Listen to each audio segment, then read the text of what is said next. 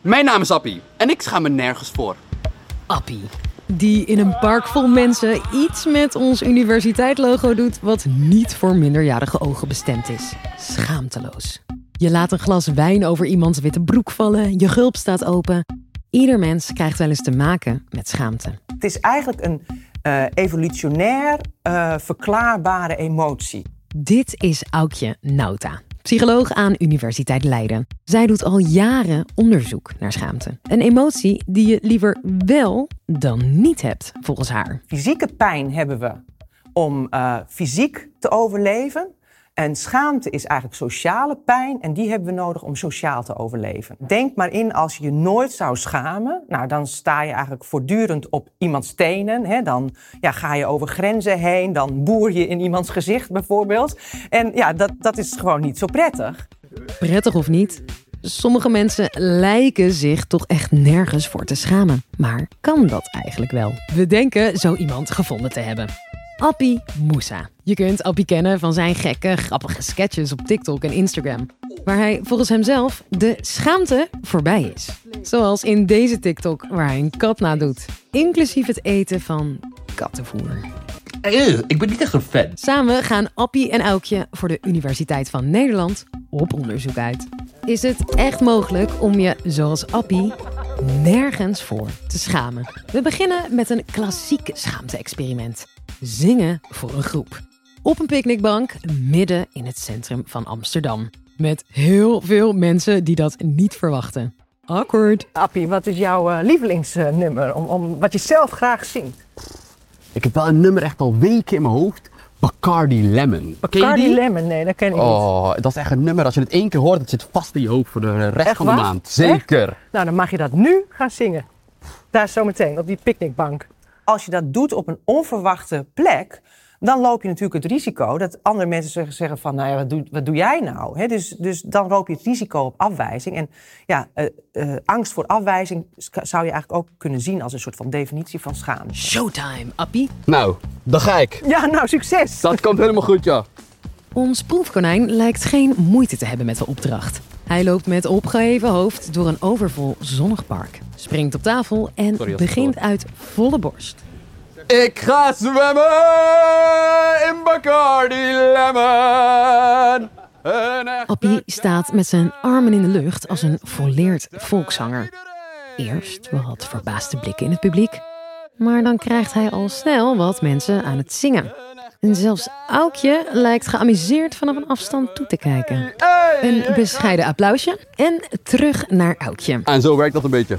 Wat is haar analyse van experiment 1? Uh, wat ik mooi vond, is jij deed natuurlijk enorm snel je best om iedereen mee te laten ja, zingen. Precies. En men ging ook meezingen. Ja. En dan is de schaamte dan is het meteen weg. weg. Ja, dan moet je Want het dan heb niet. jij opeens de norm geïnstalleerd in deze tijdelijke groep dat zingen oké okay is. Ja. En je maakte natuurlijk ook gewoon hele trotse gebaren. Ja, van Kijk hey, mij hier. iedereen! Ja, dus, dus, dus ja, dan snap ik ook wel dat je niet Dat je- schaamt. ja, nee, zeker Want niet. eigenlijk kreeg je meteen ook applaus. Wat je doet is heel makkelijk een, een hobbel nemen. Ja. eh, waardoor hup, de schaamte meteen weg is. Dus Dat je is bent niet zozeer schaamteloos, maar eerder schaamtevrij. Zoals ik het zie is, eh, je kunt te veel schaamte hebben of te weinig schaamte of precies goed.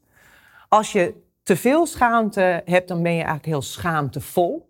Eh, hè, dus dan reageer je op alles met eh, blozen of ineenkrimpen of wegvluchten of eh, excuses zoeken. Ehm, maar je kunt ook eh, te weinig schaamte hebben, dan ben je schaamteloos. Dan eh, ja, loop je te boeren en te scheten of, of, of, grenzen over te scheiden z- zonder dat je eh, denkt van dat dat erg eh, zou zijn. Ehm, en dan heb je nog een derde en dat is schaamtevrij. Dus dat je gewoon durft te zeggen van, oh, ik schaam me, want ik heb dit fout gedaan. Of, oh, ik schaam me, want eh, ja, ik kan eh, nog geen zware koffer optillen. En dus, dus je durft de schaamte te, la- te laten zijn. En op het moment dat je zegt, ik schaam me, dan verdwijnt die eigenlijk, die schaamte als sneeuw voor de zon. Zou Appie altijd schaamtevrij zijn geweest? Ik heb meer het gevoel dat ik misschien in mijn brein iets anders heb dan andere mensen. Want ik heb heel veel vrienden van mij die hetzelfde vak hebben als mij, dus ook filmpjes maken. Die, als ik samen met hun filmpjes ga maken, dan durven ze de helft van de dingen die ik doe niet te doen. Maar denk je dan echt dat er bij jezelf een steekje los zit? Of? Ergens denk ik dat er wel misschien iets Ja, of anders in mijn biologie kan zijn. Misschien ben ik als baby op mijn hoofd gevallen. Ja, Weet ja. ik dat niet? Of je bent extreem extravert, hè? dat kan ook. Je wordt eh, met schaamte niet onmiddellijk eh, geboren. Hè? Dus als kleine baby kun je gewoon voluit schreeuwen. Dat doen we natuurlijk ook als we nul jaar zijn. Maar zo rond 18 maanden, anderhalf à twee jaar, dan worden we ons opeens bewust van onszelf. En als we dat zelfbewustzijn hebben, eh, ja, dan, ja, dan wil je dus eigenlijk ook gewoon geen gekke dingen doen waardoor je niet een mens bent als alle anderen. Een experiment wat ze bijvoorbeeld ook hebben gedaan is dat ze dan eh, jonge kinderen een geeltje op het voorhoofd plakken. En dan naast die, dat jonge kind staan dan de ouders en de onderzoekers. En als de ouders en de onderzoekers eh, een geeltje, ook een geeltje op hun voorhoofd hebben, dan laat eh, het kindje het gewoon zitten. Maar hebben ze geen geeltje op het voorhoofd, dan denkt het kindje: Oh, dat is gek, ik wijk af. En dan halen ze het geeltje onmiddellijk weer van hun voorhoofd af. En dat bewijst eigenlijk dat, en dat, dat, dat doet zo zijn intrede bij 18 maanden à 2 jaar. En dat bewijst dat we op die leeftijd al ons eh, gaan schamen. En nu we het toch over biologie hebben, je geslacht heeft ook nog invloed op hoe erg je je kunt schamen. Uit onderzoek blijkt dat vrouwen zich veel vaker en voor meer verschillende dingen schamen dan mannen. In dit onderzoek kregen mannen en vrouwen stellingen voorgelegd als je appt de uitslag van een SOA-test per ongeluk aan een zakelijk contact of je bent een eetafspraak vergeten. De vrouwen bleken zich bij dat laatste scenario sneller te schamen dan mannen. Nu eh, zijn er ook onderzoekers geweest die dachten van... goh, misschien ligt dat wel aan de manier waarop dat vaak gemeten wordt. En misschien zijn per ongeluk al die scenario's wel typische eh vrouwenscenario's. En dus bedachten deze onderzoekers andersoortige scenario's.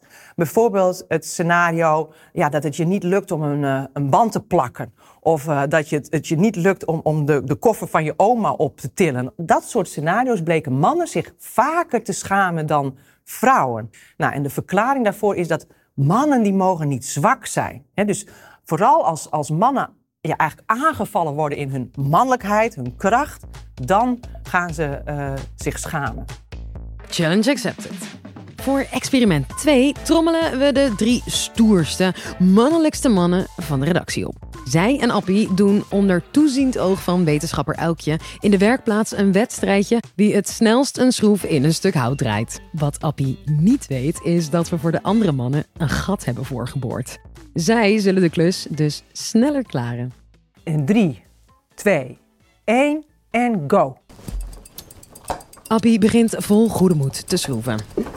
De concurrentie draait de schroef zo omlaag. En Appie heeft niks door totdat... Dus komen jullie hier vaker op?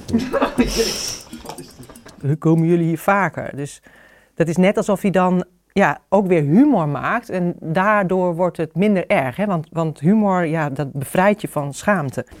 De eerste concurrent is klaar. Appie is pas halverwege. Wat een man. Verdorie zeg.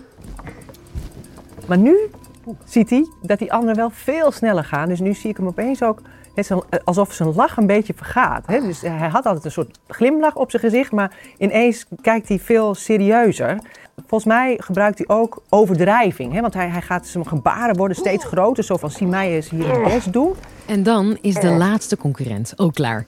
Ja. Ja, sorry jongens, nog even. En sorry, als je sorry zegt, dat is natuurlijk toch een uiting van schaamte of schuld. Hè? Dus schuld en schaamte liggen dicht bij elkaar. Schuld gaat meer over gedrag en schaamte meer over hoe je bent als mens. Maar op dat moment, ja, dat hij zich daarvoor verontschuldigt, is natuurlijk eigenlijk helemaal niet nodig. Maar ik vind het toch een soort van schaamte- of schulduitingje. Ja, je nu toch laatste bent, neem nog even rustig de tijd hoor. Ja, door zich uit de wedstrijd te plaatsen, hoeft hij zich ook niet meer te schamen. Want dan, ja, hij heeft niks te winnen. Hij heeft namelijk op iets anders te winnen, namelijk humor. Ja, ik vind het goed. Appie is eindelijk klaar. De andere mannen kijken hem allemaal aan. Zijn gezichtsuitdrukking kunnen we niet zien, want hij houdt zijn hoofd ver voorover gebogen. dat vond ik wel echt een schaamtemomentje. Dat hij eh, omlaag blijft kijken. Hè? En je klein maken in plaats van je groot maken. Want dat, wat, dat deed met name de winnaar. Hè? Die ging echt als een Olympische winnaar. Ging hij nou, haast op zijn borst kloppen. Maar Appie die werd een beetje klein. Heeft zelfs Appie zich dan toch een beetje geschaamd?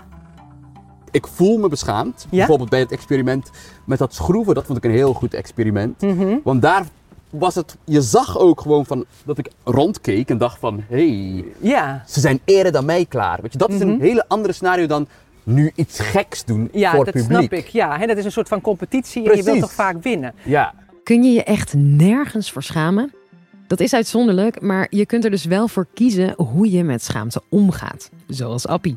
Het is aangeleerd gedrag hoe we met schaamte omgaan. Ik vind dat we in het Westen, en dat is zo, we zijn zo individualistisch, zo van oh, ik trek me niks van wie dan ook aan, dat we hebben afgeleerd, vind ik, om op een gezonde manier met schaamte om te gaan.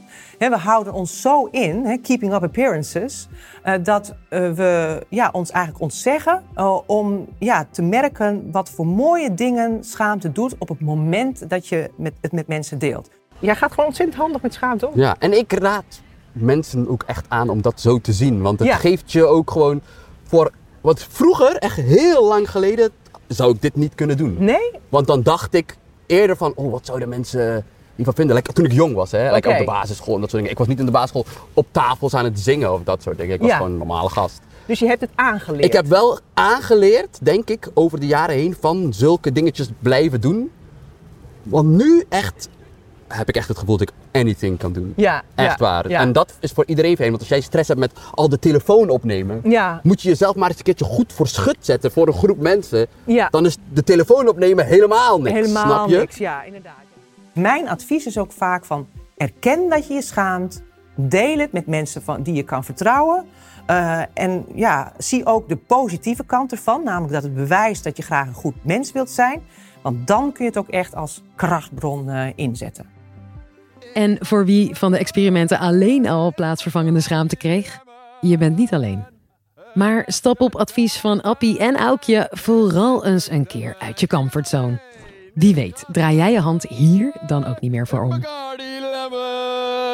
Een echte tijger, hey, is niet te temmen. Hey, hey, ik ga zwemmen. Bedankt Aukje en Appie. Tot de volgende.